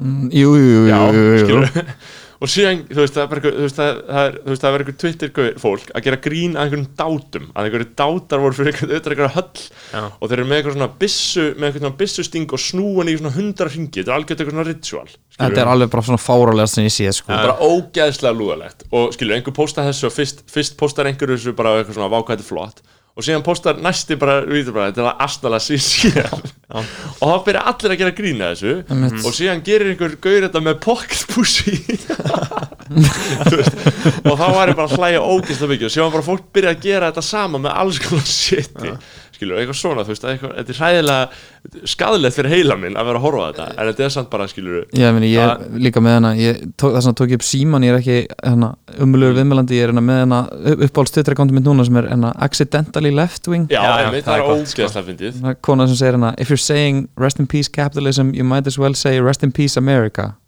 Og bara accidentally left wing postar þessu Já, já, já, ákvæðlega já, það er ógeðslega fyndið. Já, já, það er ógeðslega fyndið. Það er mjög Mér gott. mér finnst líka best sem ég fæði Twitter er sko þarna, allir þættinir out of context. Ég Já, fór á já, svona já, So- já. Sopranos, Alls out of konar context, Nathan for you, Succession, uppröðun, Mad Men, Succession. Wire skilur og ég er fólóð öll þessi fimm account og þetta er eiginlega eina sem ég fæ á Twitter skilur, bara myndir frá þessu sko. bara skeggið upprifin á þáttum Já, sem maður horfði á, sko. það er alltaf aðeinslegt sko að Mm. stundum er ég bara eða heilu kvöldsendunum á YouTube og sko gamla Sopranos klippur sko. Mm. Ég er búið með nokkra þættar svo brannús uh, Þrjá eða fjóra Og ég er alveg að fíla þetta hann er séð. Svo, Hefur þú hort á svo brannús, Eil? nei ég átt inni, ég var hérna ég hef, þið náttúrulega talið mikið um Wire sko. Já, Já, ég veit ekki hvort þú mannst þetta í snorri en það var heldtekin af Wire þegar við vorum að kynast já, já, uh, og það var alltaf svona, ég var alltaf að lesa eitthvað svona debat um hvort það er betra já. ég held að ég kannski bara svona tekið smá Wire hlið í þessu og hugsa að ég ætla ekki að horfa svo brámant já þetta er svona smá Tupac og Biggie sko. Ég fíla Wire miklu betra en Sopranos En Þú er bara búin að horfa á þrjá þætti ég er bara búin að horfa á þrjá Já, þætti þú getur ekki sagt til það sko. Sopranos verður bara betra og betra og betra og betra og Sopranos er sérstaklega gott út af því að annað en Wire skilur þetta er sama fjölskyldan sem þú ert að fylgja Ah. þú ert að fylgja henni í sjö ár skilur Já, þú veist, Wire er jú eitthvað svoleiðis en ekki alveg skilur. Þú ert ekki með McNulty hann allan tíman ég, ég en Sopranos, er, það er að besta þú veist, þú fylgist með börnunum sko bara, þarna, þú fylgist með þeim fara frá því að vera pre-teens yfir bara að fara í college sko. mm. og það er svo fucking epist sko. Já, ég, ég, ég ætla að halda fram En ég líka horfa sko Ég byrjaði líka að horfa sem var sjúkt moment af Því ég er alltaf á Netflix Og ég opnaði það og ég bara, ok, það er ekkert einna sem er séns að ég horfa á Nei, Nefna nei, í gær þá að því ég byrjar að því ég er að að lesa dönsku Ég er að að læra dönsku og horfa Borgen. Þarna, Er það Íta Borgen eða? Hafið hort á Borgen? nei. Nei. En ég veit hvað er. Það er svona pólitíkur Bóen. drama. Bóen Og þetta var held ég sínt á rúf Þetta er ógislega vinsælt sko. Mm. uh, Og bara meiri áttar bara success held ég Og er ennþá í gangi Og þetta er sínt sem pólitík Og þetta er bara, við horfum bara tvo þætti Mér langar bara að fara heim og horfa þetta núna sko. Mm. Þetta er veist, þetta er svipu pæling og veist, Björg Magnúsdóttir hefur vísað í borgan sem einhvers konar fyrirmynd að til þess ráðherranum sem verður sýndir á rúf í haust. Uh, Akkur líður mér þess að svo serja sé búin að vera á leiðinni bara síðan ég var í hagaskóla? Það er meira átt að PR því það er ekki gott PR og bara, ég er bara búin að vera að hugsa um þetta bara Þetta er á leiðinni víst Já. Ég er bara hlakað til að horfa á þetta og þetta er Ólaug Darri að leika Sigmund Davíð eða ekki? hann er, þetta er ólega þetta að leika ráðherra með geðkvöra ekki sem Þannig Þú veist, já, semmi en, en uh, sem að Sigmundur með góða greinu daginn maður. það er sérstak umræða maður. Óf, ég Sum, sumari 2020 og menningabildingin ég las hvert, hvert orð í þessu í kjamsa á þessu dæmi sko. Eh, greið gallið maður já, fólk er alltaf að taka niður Netflix, það er náttúrulega bara ekkert nema Peasant Poison, sko. Um, einmitt. það er alveg margt gott hann Og- flixar Já, já, Og- það er, Opium það er fólksins. það, það er það, sko. Á borgan, ég er að horfa það, djúvillega gott maður. Ég er alveg peppara fyrir því en Sopranos. Uh, voru að ræða eitthvað sérstætt sem við vorum ekki búin að klára að ræða? Uh, Hva, Hvað eigum við eftir, hérna, sko? Við erum eftir, sko, við erum búin að tala um íþróttunar, skilur Já. Egil, þú ert náttúrulega, þú ert gilsari, skilur mm, Þú, hérna, svo gott Já, er það? já, já og er ég það? Hvað hva, hva, hva finnst þér um, hvað finnst þér um nafnaðin? Nei, heyrðu Beggi, sko, þú, þú getur ekki verið að búa til svona drama og fara að byggja fólk um skoðanir og allir einu sinni Hvað minni, er, Ég, er, er það hérna, ekki bara fullkomlega eðlileg Það er, við getum leitt þetta yfir í aðra umræðu. Svo skemmtilegt þegar að við snorri eruðum feministar Já, það Já. er sérstökum Geggja Óf. dæmi. Það er eitthvað heavy cringe maður. Nei, Já, sko, það- það það- er epíst sko. Það er, það er Já. hið allra sannast cringe. Þú veist, ég man eftir Ég, cringe að þetta ekki yfir í núna. Mér finnst þetta læg. Nei, eftir að higgja frábæð þróun. Búin að jafna mig mjög, sko. Það var hérna bara, ég man eftir, ég bara í átnubæk þá fekk ég gefins í ammálskið frá besta vinum mínum. Mm. bara manna sig í gils, sko. Já. Að við, þessar bækur voru að flota heima okkur bækir líka Ari Mafa með þetta Já, já, já, já. Þú veist, og bara, þú veist Já, ég bara, las þetta og fíla þetta bara, ég var að dýrka þetta, shit bara líka. geða eitthvað bækur Mm. uh, náttúrulega eftir að higgja hræðilega bækur já. uh, Samfélagsskadandi og, Já. en þú veist og, og samt bara eitthvað, eitthvað grín skilur þetta er bara eitthvað grín bækur þú Mhm. Já. veist, ef við ætlum að fara svona þú veist, auðvitað getum við farið djúft í þetta út af því að þetta var eitthvað sem gerðist og á moment í íslensku samfélagi en þú veist, það er mjög margt sem að krakkar eru að horfa á í dag sem er bara jafn slæmt eða verra sko. Já, já, og, og sko sama háttið mitt, sko Að gera svona ótrúlega mikið úr þessu. Þetta voru bara einhverjar grínbækur sem seldust svolítið vel nokkur jól en ég held að það samt en, hafi verið en, en, en þið megið sem ekki verið svona miklu gils sympathizer sko, hann ól upp heila kynnslóð af Já, en, meina- ekki fíblum En hvað meinar en, en, Þú en, þú getur ekki ætla honum öll þau áhrif, skilu Það er auðvitað au- farfur fyrir því hann, hann, hann, hann er auðvitað líka, þú veist, þetta er bara spurning um byrtingamyndina eða, eða Já, áhrifin, þetta er bara einhver Já, hann, at the hann, forefront hann vissulega hold, holdur Já, já. einhver svona Já, já, og þú veist, og ég held að það sé alveg erfitt fyrir okkur kannski að skilja nákvæmlega hvað slemt þetta var Mm. þú veist, að því að maður var eitthvað svona ungur á þessum tíma og þú veist, hefur að þakka bara basically frængum ykkar þú veist, já. fyrir að að bara slást gegn þessu bara með kjafti og klóm skilur, bara að virkilega reyna að disbanda þetta dæmi Já. allavega, nóg um það, það ég náttúrulega bara, get alveg sagt það bara, þú veist, bara Mm. hræðileg skrif Já, já. eh, og þú veist kallandi.com og allt þetta dóti bara, þú veist, þetta eldist mjög illa sem er gott, þá erum við vantilega að fara réttan stað Mm. uh, en ég man bara, síðan var eitthvað svona moment þar sem að við eitthvað erum farin Já. að, þú veist, ég veit ekki hvernig þetta gerðist en við bara svona eitthvað radikaliseruðumst í rétta átt skilur Mm. og við, þú veist, þetta var líka þeim tíma sem að maður var að byrja á Twitter og maður var svo self-righteous eitthvað svona En það er samt stór merkilegt sko að þetta var bara við, þessi sterka PC-bylgja hún er svona haustið 2012 að gerjast voruð 2013 að brjótast alveg út. Byrjum með MR haustið 2013 og síðan bara er þetta viðbjóður í, í svona tvö ár. Þetta er bara algjörlega algjörlega viðbjóður í tvö ár. Og ég stend við allt sem ég hef sagt og allt sem ég hef sagt er ennþá á ég- Twitterinu mínu sko. Eða þú veist, ég stend ekki við allt sem ég hef sagt. Nei, veist, auðvitað- ok, ég, sé- ég get ekki annað, ég, sé, hef sagt það veist, ég sé eftir að hafa á einhverju tímúti fundist það að vera á eðlilega hegðun að sjá tweet frá einhverjum fucking Bara- gilsara já, skilur bara sem var bara eitthvað hræðilega einmitt.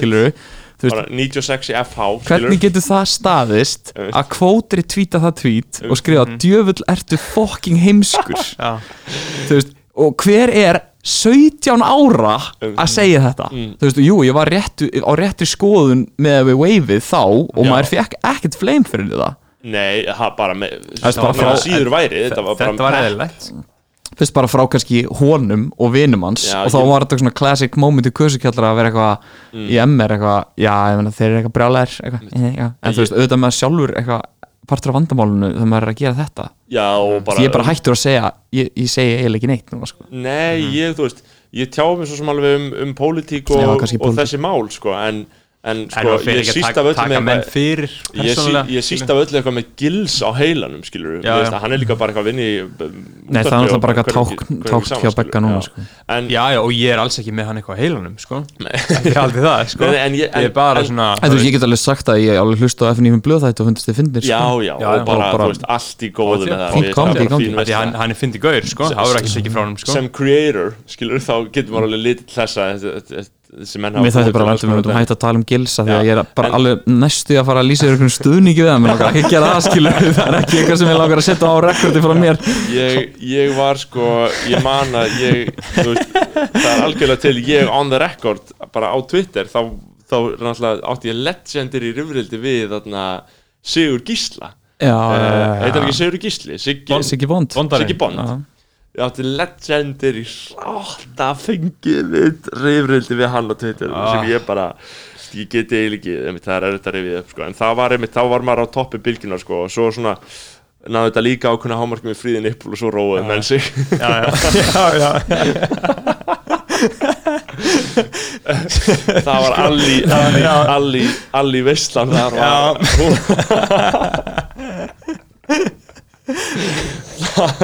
Ég átti tweet Já.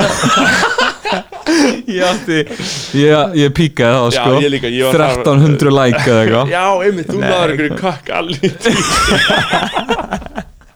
Veistu hvað ég tweet Ég man hvað ég tweetaði sko. ég geti eiginlega hitt það sko, ég ég er þetta að Hvað Manstu hvað- hvað á var það? Nei, ég get ekki Ég tweetaði. Já.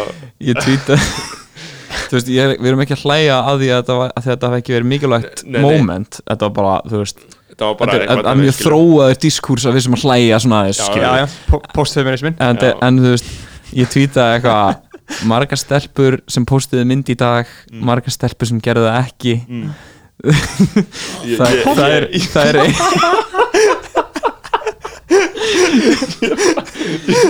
eiga það allar samilegt að með að gera það sem þær vilja. Ég, ég sko og síðan var ég bara, síðan var ég bara þetta er eins og TikTokana þegar görður er með hana Star Wars læður og horfa svo sjóndið já, það hringi. Sko, mér finnst það sko, ég, ég finn fyrir alvöru Já. sársöka sko, að þetta er það sársöka þetta er að upp, rifið þetta upp sko. Tímanir sem við liðum maður Þetta var, þetta er feminist, feminist alli hámark. Það er, þetta er hámark sko. Þú veist, Það- þetta verður ekki meira feminist það er samt ótrúlega að lifa í þessum svona eitthvað neginn já, ég veit ekki, það er bara að hafa alltaf verið eitthvað svona að reyna að hafa rétta skoðun Mm. og, og þú veist, ég er ekki á því að það sé eitthvað svona að það sé vittlust, ég er á því að bara núna bara consistently bara eitthvað síðan 2012 eða Mm. eitthvað bara eitthvað átta ára af því að reyna að vera alltaf á réttir skoðun og móðga engan Mm. hefur sko það hefur meira jákvætt með, með þessi för með sér heldur en eitthvað annað. Já, þú bara lærir svo, þú fær svo mikið innsæi skilur, Einmitt. þú, að þú ert bara alltaf bara, já, ok, þá bara, þú veist líður Þú- þessu fólki Já, svona eða einhverjum get, þú getur svona, líka að hugsa gaggins bítu, bítu, bítu, bítu, bítu, bítu Þetta er ekki, skilur. Já, og ekki svo maður sko. sjálfur kom með eitthvað svona sjá, sjálfur svona, ég finn það stundu sjálfur sko að ég með eitthvað svona eitthvað, aðna, eitthvað PC radar skilur þannig að ég heyri eitthvað og ég heyri eitthvað tala um eitthvað, ég er eitthvað svona maður, maður byrjar bara sjálfur að hu- hugsa frumlega PC vinkla bara, mér finnst Já. þetta ekki alveg eðlilegt Já, að það sé að segja þetta af því að hann koma úr þessari átt eða bara, veist, þetta er bara ákveðin svífering gagvart því að fólki geti þetta, er stjættuofbildi Þú og, og, alls svona svona og, finn, og, og svo bætist það marxismin inn í þetta líka skilur þarna sem er svona mellow marxismi uh, sem dúrar í manni. En, En, en, en þú veist þannig að maður fær svona frum svo, skulu einhver svona Að einhver maður fékk- frumkvæðis maður fekk líka svona eitthvað smá svona intro í krísustjórnun á því Já. að vera á Twitter á Já. svona peak Twitter. Af því að þú gast lendi í kröppum dansi sko. Já, Já, já, og, og þurfti einhvern veginn að svona hmm, hvað á ég að gera núna eitthvað? Já, þú veist. og ég er ekki að segja að það sé eitthvað hafi alvörinu verið eitthvað góð reynsla. En eins og bara núna í hérna þeim höfður að vinna eins og ég hef lendi í krísum bara í sambandinu og Já. í eitthvað svona í hérna e, sest, sambandinu símafélaginu Já, ekki mínu já, ástasambandi já, en, já, já. en, en hérna og bara í vinnunni skilur Mhm. og, og ég hef alltaf kunna ákveðla við, við mig í þannig aðstæðum. Þú veist eitthvað svona dótið það sem að bara Mhm. eitthvað ok, nú hefur við klukkutíma til þess að leysa þetta eða þetta fer illa. Bara pressan er komin á. Þú veist og ég man eftir í til dæmis bara að því að við erum svona líka kannski alltaf að fara í smá sögulegt mm. hérna, til að hérna, heimildin lifi sko og þú veist Já. þegar við til dæmis gáum út yfirlýsingu um að við ætlum ekki að spila þjóðtíð já, þá var það svona peak Twitter moment sko. Já, já. Hvað var það 2016 eða 17? Hafa 16 ég held að það hafi verið 15. 16 Já, Já, 16, Se- í- 16 þegar að þá var, eða, þá var Rett Steffsson spila og MC Gauti og Úlfur og eitthvað. Og allt í hennu er ég eitthvað svona já, þetta var bara mjög lærdomsvíkt ferli. Og það fór allt í háa loft að einhverjum ákveðinu ákveðinu ákveðinu veist, þetta var mjög svona valid eftir að ekki ástæða, þetta var hann að þegar Pálei, heitum ekki Pálei Páli Borþórsjú, eh, sem var það sem að, að þetta fjallaði um eitthvað tilkynningaskildu lögreglunni í eigum um hérna, kynferðisbróti þjóðatíð um mitt og að það hún var alltaf einhver rosa, það var alltaf verið að rífast um þessa skrýtnu stefnu um að láta ekki vita af fyrir málunum. eftir hátíð en eftir hátíðina, skilur, bara alltaf ekki stemninguna eða eitthvað, skilur sem var basically, það hlýtur að hafa verið eina stefnan að eða ekki stemninguna, skilur að það var svona kannski held, jú, ég, ég veit það ekki. En síðan kannski, þú veist, ég, mér veist alltaf skrítið að að veist, við, og við, ég var bara sáttum með það sem við vorum við, við vorum líka bara að taka stans, veist að taka hlið með, hérna veist, þetta var bara ákveðið svona taka stans með, með þólundu kynfyrsopildis Já, og, og fordæma það og, og, hérna, og þú veist, síðan það sem að gerðist var að ég, veist, ég hef aldrei sagt veist, við vorum hann á fundum bara Mm. í tvo daga sko, með, með hérna þjóðutíðanemnd og fleiri áhrifamönnum úr eiginni það bara leistist farsalega sko, við fórum já. og spiluðum og ég skal, þú veist, þá, þá, tímis, mag, þá tímis varst mér magna að koma sín til eiga og bara eitthvað fyrsti því maður hugsaði alltaf margar hliðar á öllu skilur Mhm. mm og ég er mjög sáttu með það sem við gerðum og stend með því öllu en síðan því ég kom til eiga og bara manneskan sem var að hleypa mér út úr herjólu var með svona bleiki fýllin fyrirlaband þú veist, þá var ég bara eitthvað, já, ok eitthvað, þau, þau er ekkert, það er ekkert eitthvað vennilegt fólk í eigum sem vill að hérna sé bara eitthvað, eitthvað svona Nei. kynferðisofbeldi svall í gangi, skilur, þau, þau eru bara að reyna að hafa gaman, sko, og þau eru alveg tilbúin til þess að, veist, við, við lögum til alls konar lausnir og því var öllu framfyllt, sko. Mhm. síðan veit ég ekki hvernig þetta hefur staðið síðan, Nei, nei. ég held að mér líður eins og það er eitthvað mikið skánað mjög mikið já, allan að einhvern veginn umræðan í kringum Og- þetta sko, hefur ekki verið á þá leið að þetta Nei. ennþá eitthvað meira þetta vandamál þó ég sé þarna- bara vitið ekki sko. ta- talandi Vestmannegar, ég mitt þarna það var svo gott sko Vestmannegar í fyrra sko það er svona eitt gauðir sem að er svona sem, að, sem er svona artist eh, concertier skilur, mm. svona gauðir sem að sér um teng, tengslinn við artistana og eitthvað svona, og, Já. eitthvað svona. og hann er fucking mistari skilur, hann er bara algjör hreinrættað mistari Mm. og þarna ég sett hringdi í hann þarna, hvað er fyrir viku tveim vikum eða eitthvað, bara til að checka á þjóti skilur, bara sjá hvort að einhver er að hvort ég kom eitthvað á mínu fólki ánga inn skilur, og þarna þarna hann sagði bara nei, skilur það bara verður ekki þjóti í ár að er bara ekkert að gera, skilur það bara að revja þetta upp fyrir mig hvað hann var mikil mestari, skilur í fyrra, ég hef aldrei séð mann sko, vera með jafn gott crisis management sko. Þannig að það voru allir artistarnir brjálæðir út í hann, skilur, Mhm. út af einhverju, skilur og þetta var eitthvað svaka drama og hann alltaf bara púlaði upp, skilur hann mætti bara á hótelið, já, tók við skömmum já. tók við skömmum og svíveringum skilur, varst þú að með eitthvað? ég var hann að, Já, já, já, ég, já, ég, ég var, var vitnað þessu bara, mistari já, en sko þetta var 2016 og síðan 2017 fórum við og það var episk hátíð. Já, þegar við tókum því með. Já, það var, ég er, er æfinlega þakkláttur fyrir það sko. Já, já, það var mjög Eh, gaman, sko það var virkilega hámarkið sko, nei, há, hápunkturinn sko Mhm. um, Já, við gerum fullt að góðum gigum hann sko fyrir Já. reyndar annað fjarskiptafyrirtæki sem að ég, við, gerum það gig ekki aftur nei, nei, En- sem, sem við setjum svífunni á það var, var gaman sko Já. en, en ég, þarna, ég hugsaði líka um sko í þessu uh, hvað maður lærir af svona þessu Twitter ógiði sko, þessu hræðilega Mhm. umhverfi en samt skilur frjóa umhverfi auðvitað skilur að þetta er mjög lýðræðislegt skilur Mhm. á, á sinnhátt fyrir utan algoritman sem er kannski ekkit eitthvað sérstæðlega lýðræðislega, ég veit ekki nei. en um, þú veist, eh, ég dáist stundum að því að fólk nenni karpinu og þrasinu uh, að því að bara, veist, að setja fyrir mig, að setja hluti út ég, ég, ég er ekki alveg rólegur alltaf, skilur, eins og bara oft með Sko, þætti þú veist, ef maður er að fara að sofa kvöldið en einhver þáttu kemur út og maður hugsa bara, eitthvað- maður byrjar eitthvað að velta fyrir sér einhver smáðadur sem maður sagði bara, oh my god, er einhver að fara að taka þetta út fyrir svega, skilur og maður hugsa þetta alltaf, ég hef alltaf hugsað þetta endalaust, skilur, alltaf minna og minna og maður verður vanari tilfinningur, bara já, Já. leiður svo bara flakka. Ég er Og- þetta. er bara, þetta er alltaf læg en þú veist, en ég þess svona sko að því ég fæ þetta, þá hugsa ég bara með fólki á Twitter bara, akkur ertu ekki hrættur um bara, þú veist, hlutna sem þú segir, skilur er, er þið bara saman viðbröð, ég held að fólk geti bara mm, sko, brynja sig ákveðlega vel fyrir Mm. viðbröðunum, sko. Og endanum þá verður bara mjög brynjaður, sko. Þetta er mjög, mjög mismunandi upplifanir sko, líka bara Já. hvernig þú sér þeim hvað þú fattar, skilur, þetta er alveg eins og ok, við erum hérna uh, stundum er einhverjir fótballtökur að svívirtir, skilur, veist. Og ég veit bara, þeim er alveg fokkin sama að við sem að Einmitt. þegar þeir myndir svífira mig, mér var alveg sama, skilur skilur hvað að meina, eða bara eitthvað svona eða dissa eitthvað sem einhver stendur fyrir, skilur já, já, langt flestum er tölvert freka mikið sama Já, um það er rosalega mikið fólki sem er svona fucking buttert og óþólandi sko. oh.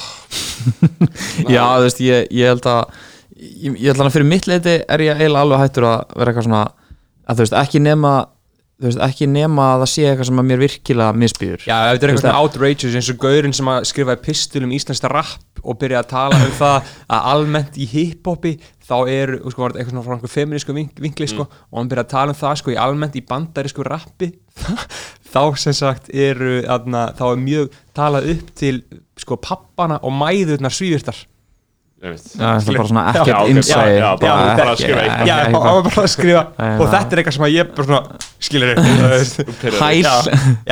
veist, þetta er bara sýnir það að hann hefur ekki hlusta á stakt rapplag á æfisinni En mér það enda áhugavert með að því ég var að hugsa þetta því að þú skrifaði status um daginn um rap. Já, og eitthvað svona nei, ég sé að notes tók sínskjótt að setja á Instagram. Já, já, Versti, versti tjáningamáti bara, þetta er bara þú, allt sem er að. Já, já, já. uh, en og þú veist, inntaki í því var að þú er allist upp í við að hlusta rap og hip-hop kultúr og þú þurfur að acknowledge að þú veist hérna hvítur og sért mögulega einhvern veginn að fara að skapa atvinni með þessu og hvað Mhm. um, en, og varst góð punktur í því sko að, að því að ég og þess, það er líka bara skemmtilegt að segja frá því að þú veist, ég man mjög skýrt eftir hvernig ég heyri fyrst tónlist sem ég var bara svona, þetta er mín tónlist, þetta er mín uppáhaldstónlist. Mhm. og það var þegar ég var í bílnum með sýstu minni og hérna, þá var hann nýjum kærastannar og nú var hann eiginmanni og þau voru eitthvað, eða þú verður að tjekka þessu? Eða þú veist, eða, nei, það var eitthvað svona var eitthvað lag, var, þau voru að byrja eitthvað lag og var eitthvað, eða þú verður þetta, ég var eitthvað, nei, var eitthvað, að þú verður að þekka þetta. Og þú voru að spila sérst, hérna, Wu-Tang, bara best of. Já. bara, ég mann, compilation plata og ég man bara, ég heyrði bara Protect Your Neck með Wu-Tang í fyrst skipti og bara, þetta er mín tónlist Mhm. og þetta snorri mann bótt eftir því Já. að ég svona tvö ár, þá var Facebookið mitt ekkert annað heldur en ég að deila eitthvað Wu-Tang Það var ofalega bauði uh, og, og vægir Mm. og ég var eitthvað að hugsa um þessum daginn í öll, öllu hérna, Black Lives Matter dótinu Mhm. að bara eitthvað, það sem hefði tveir, tveir hlutindir sem hefði kannski mest áhrif á mig svona þegar ég var að mótast mjög mikið eitthvað í, í hagaskóla var þú veist Wu-Tang og hip-hop almennt, þú veist ég lá bara á YouTube og hlusta á bara eitthvað, var að hlusta á Wu-Tang og það var eitthvað eitthvað rifrild í gangi í kommentunum eitthvað Raekwon er besti rappar all tíma. Og þá var einhver sem komment eitthvað, nei Rakim er besti rappar all tíma. Já, mér finnst einhvern kommentar hjá mann sko. og þá fór ég að hlusta á Rakim í kannski Já, já. viku. Og síðan var eitthvað, nei Big L er miklu betur en Rakim. Og hlusta á Mhm. Big L. Og síðan eitthvað, nei eitthvað, hérna, Erika Badu er best eitthvað, hlusta Erika Badu, þú veist, og það var bara svona, svona þú veist, þannig bara svona, fekk ég bara svona full bara svona, manni downloadaði á, á hérna, LimeWire, eitthvað svona 100 bestu hip-hop lög allra tíma eitthvað Mhm.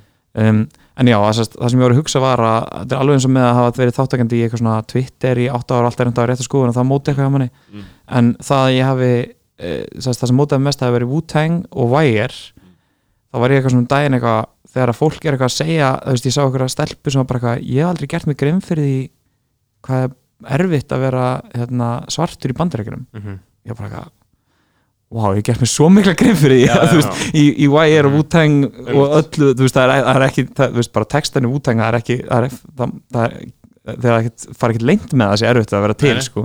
Ég var bara að hugsa þetta, þetta er bara áhugavert. Já, og að að- ja, hafi insýn inn í þetta bara Akkurat, af því að þú kannski bara sko. uh, kannski bara það sem að hitta þig þegar þú varst á þínum mestu mótunar árum það kannski geta að vera bara eitthvað Coldplay og Friends sem var líka alveg það sem hittaði mig, sko. Já, en, en, en, en skilja hvað meina, fórst ekki í neitt annað Nei, skilja, nei. Einmitt. þá náttúrulega skilur ekki þennan raunveruleika.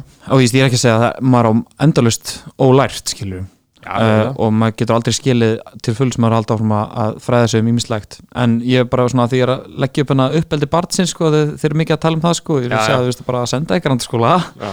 einmitt. og senda í fótbolta. Mm. en, en, eða körbólta, ég var endur í bæði Mhm. Að uh, ha- halda þessu að því. en, en á sama tíma senda ég líka í tónlistanám uh, sem ég finnst persónulega ég var endur að skildi ég náttúrulega ekki því sem Högni var að segja sko, það var alveg bara svona öðru leveli sko, ég, ég tók bara eitt ár í tónfræði sko, en, en sérstaklega eftir að unni í tónlist þá finnst mér alltaf að gagnast mér að hafa lært tónlist.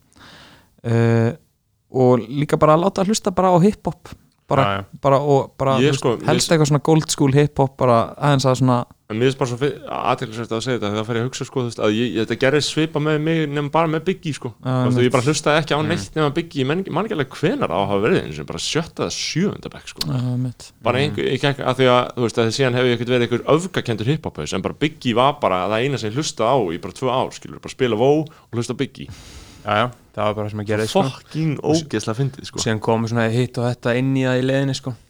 já, Við spörum þetta fyrir hann að þegar fengtum hann búið kraftbyrtingarljum en skal ég fara yfir til Já, löngumáli þeir, þeir gerir spin-off. Já, já, þeir gerir, hérna, ég langar, til að gera spin-off sko. Það sem ég fæ bara ekki rappara einmitt.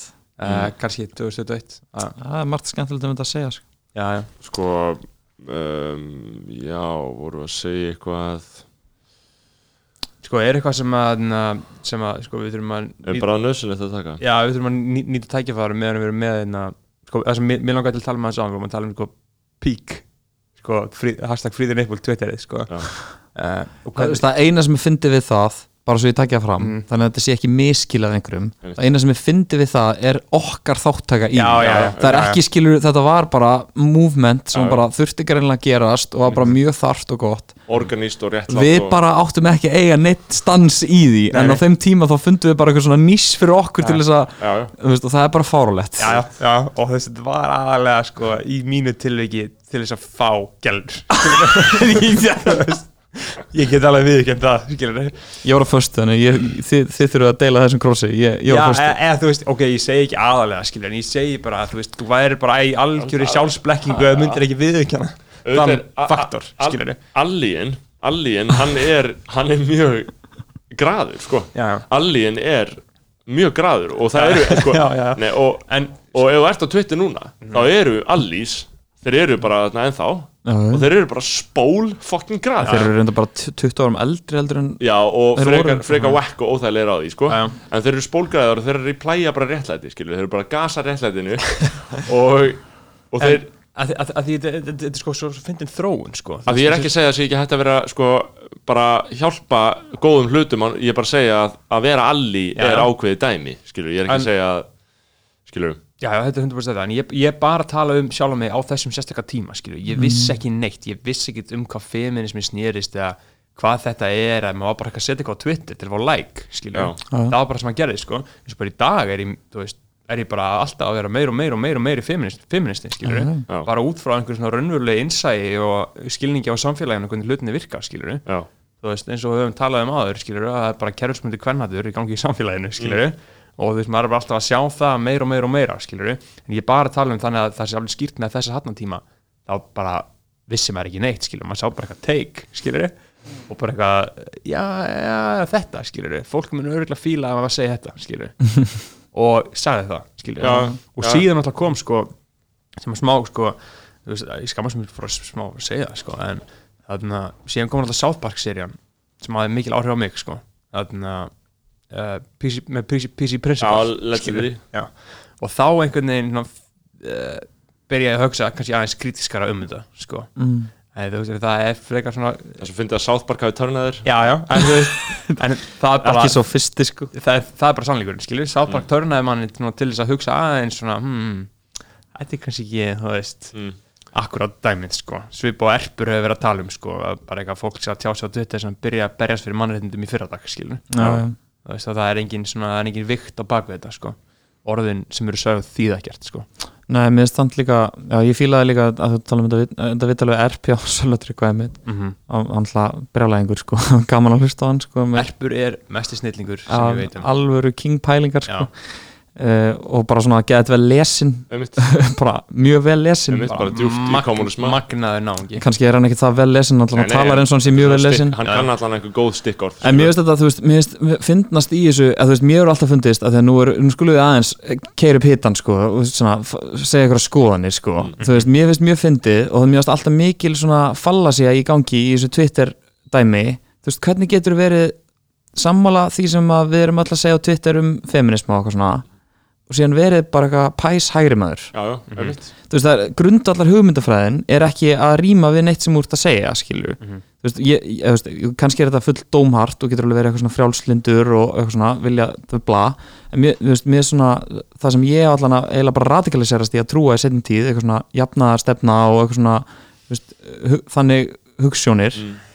uh, þú veist, mér er það eiginlega vera svona ég, ég nenni eiginlega ekki að tala um eitthvað svona ég, ég er hættur að nenna að ræða eitthvað svona einangruð mál í pólitík. Ég er bara með bara mjög grundvallar svona sama teika á eða allt skilur Ég er sammálað þessu og þetta er Mm. það hefur verið mjög mikill og er ennþá bara meiri háttar afsláttur á því á Íslandi að þú mátt bara málað upp sem já, bara til dæmis feminista og svo framvegis, skilur, en vera síðan bara uh, með ógeðslegar hægri fasíska skoðan Þú veist, ég er ekki að segja líka, ég er samt eiginlega komin á það líka og ástæðan fyrir, og kannski að það unnur ástæðan fyrir hættur að kalla fólk út í Twitter, ég er hættur að, hald, ég hættur að halda þið fram að fólk sé eitthvað endilega vonda því að hefur eitthvað svona skoðun, eða þú veist, ver, það er já. le, leiðilegur, Mér finnst þetta bara hugmyndafræði, sko, þetta er bara hugmyndafræði sem þú ert fastur í þó að þú veist, mér finnst fólk oft geta haft hugmyndir sem eru skadlegar bókstæðlega fyrir annað fólk. Já. en þú veist, það er ekkert Mhm. endilega út að fólk er vond. Þú veist, ég hef fullt af vinum sem ég er mjög ósámála Já. en mér finnst það líka mjög fyndið eins ég var að lesa bara eh, til ham ekki með að vera á hérna, einhleipis einhleipu listanum um daginn.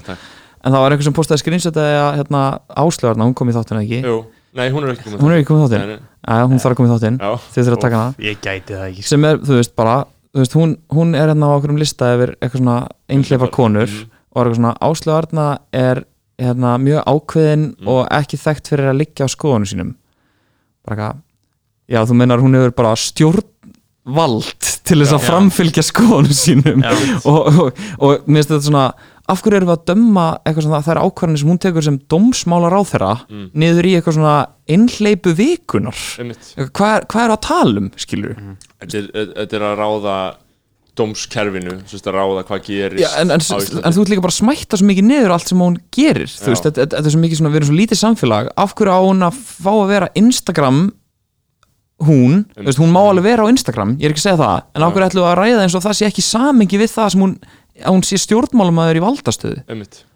Og- Einmitt. Fó, þú veist, minnst fólk á Twitter eru alveg til í að vera eitthvað með geðegar svona eitthvað, skoðanir Mm. og síðan vera svona mjög svona sleppa að hugsa um mjög margt annað í leiðinni Já, sko. mér finnst öllu sleppt og, og ég uh, á þess að eitthvað að ráðast á hana sem slíka en, veist, Já, já, en ég meina bara þú veist, ég ósamlega í held ég öllu mm, Sko, mér finnst bara aðalega með uh, einmitt, það sem uh, er svona normalisering á bara einhverjum svona, einhverjum svona ógeðslega öfgakendri markaðshyggju og, og nýfrálshyggju skiluru, að þú megi gera slíkt þú ert bara fyndin og hress og uh, með einhverja svona góðar skoðanir á, á því, veist, mér finnst það líka svona alls konar svona svona Trump-bassing og ekki að ég segja eitthvað að, að bera blag á honum en þú veist, sama á að ráðast alltaf á Sigmund Davíð og Trump og þeir eru vandamálið þeir eru innan gæslega bara populistar þeir eru auðvitað alvöru vandamálið er bara rosalega inngróin íhaldsstefna og hægri mennska í pólitík skilur en síðan verða þeir að einhverju leiksopni. Það er bara enginn að tala um sjálfstæðisflokkinu viðreist skilur uh, og ég er ekkert að segja að þeir séu að þú menna sjálfstæðisflokkin já, en ég minna líka viðreist skilur já, þú veist, eða bara sjálfstæðisflokkin Já, akkurat, sjálfstæðisflokkin, stóra flokkin Stóra sjálfstæðisflokkin Sem er núna tveir flokkar. Já. um, og, Eða eitthvað þó, um þó að mér finnst framsónarflokkur Þetta svona sakleysislegt afl En hann er alveg jafn sama fokkin monster Skilur Mhm. Og uh, má líka svo sem aðna, Aðeins stinga í kratana og, og vinstri græna Ég meina vinstri grænir er í fokkin ríkistjórn Með skilur sjálfstæðisflokknum Þannig að þú og, veist, og Erpur var með svo góða myndlingu Já, fyrir það, sá það ekki Jú. var það standardið 69? eða? Nei, nei, nei Remúlaði Er, er. Erpur var svolítið að segja að þú veist bara eitthvað, jú, jú, jú, jú, þú veist, það er flott skilur, vinstri grænir eitthvað, jú, jú, þú með góðan bara hána klöp koktel, skilur, bara með góðan bara rom og kók og eitthvað svona og síðan kemur með sjálfstæðsflokkin, skilur og þú með hana koktel, bara vinstri grænir í þessu bara ríkistjórn, skilur, bara mjög gott. Og síðan kemur með sjálfstæðsflokkin og þú setur úldi remólar í, í koktelin, hann var með remúlaði sko, í, í, í hljóðverinu. Já, hann var bara tilbúið með þessa minnlingu og, þarna, og hann sagði að meiri segja sko sjúkast í róni heimsins sem myndi ekki drekka sér meðan það fyndið sko. Já, en ég er sammála þessu, þetta er þessi, þetta er þessi sæðilega PC-væðing, það sem allir verða svona sirka mjúkir og sirka, þú veist, er ekkert að vera með eitthvað svona eitthvað blatant rasisma eða blatant uh, kvennfyrlitningu og að bara á meðan þau gerir það, þá getum við bara samþykkt allt að þau vilji samt bara fátætt fólk sem er mjög fátætt líka áfram. Sem er svona grunn vandamálið í öllu. Sem er auðvitað rót vandan sem er bara skipting egna, skilur en mér, en mér og þekkingar en mér finnst líka, þú veist, ég hef í gennum tíðina kannski mildast í að vera svona vókal þó ég, mér, ég- mér líður meira eins og ég hef radikaliserast í svona skoðunum. Já, uh, en, en þú veist, það er líka bara mest áhvert, Kári Stef var að tala um hvað er flókið að hérna, eiga peninga og vera hérna, sósilisti uh, en þú veist, og ég kannski geta, ég er náttúrulega mjög langt frá ríkur sko, Mm. uh, þvert í mót sko, í móti, en, en ég er samt vinn í, þú veist, ég, allt sem ég geri er, þú veist Mhm. stjórnast af einhverju svona, þú veist, ég er ekki fyrirtæki Mm. og ég vinn mjög náðu með fólki sem er bara hardcore bara í bara fyrirtækjarekstri til að græða pening Mm. og þú veist, margir að bara klárustu að, mikið af því fólki sem ég er mjög þakklúti fyrir að fá að vinna með er eins og þetta bara fólk upp að sína og hvað, er fólk sem er, þú veist, bara þú veist, hefur ekki tíma til að vera eitthvað velta sér bara einhverjum hugmynda frá Twitter er bara, veist, við erum bara hérna að reyka fyrirtæki og bara, það er bara Mm.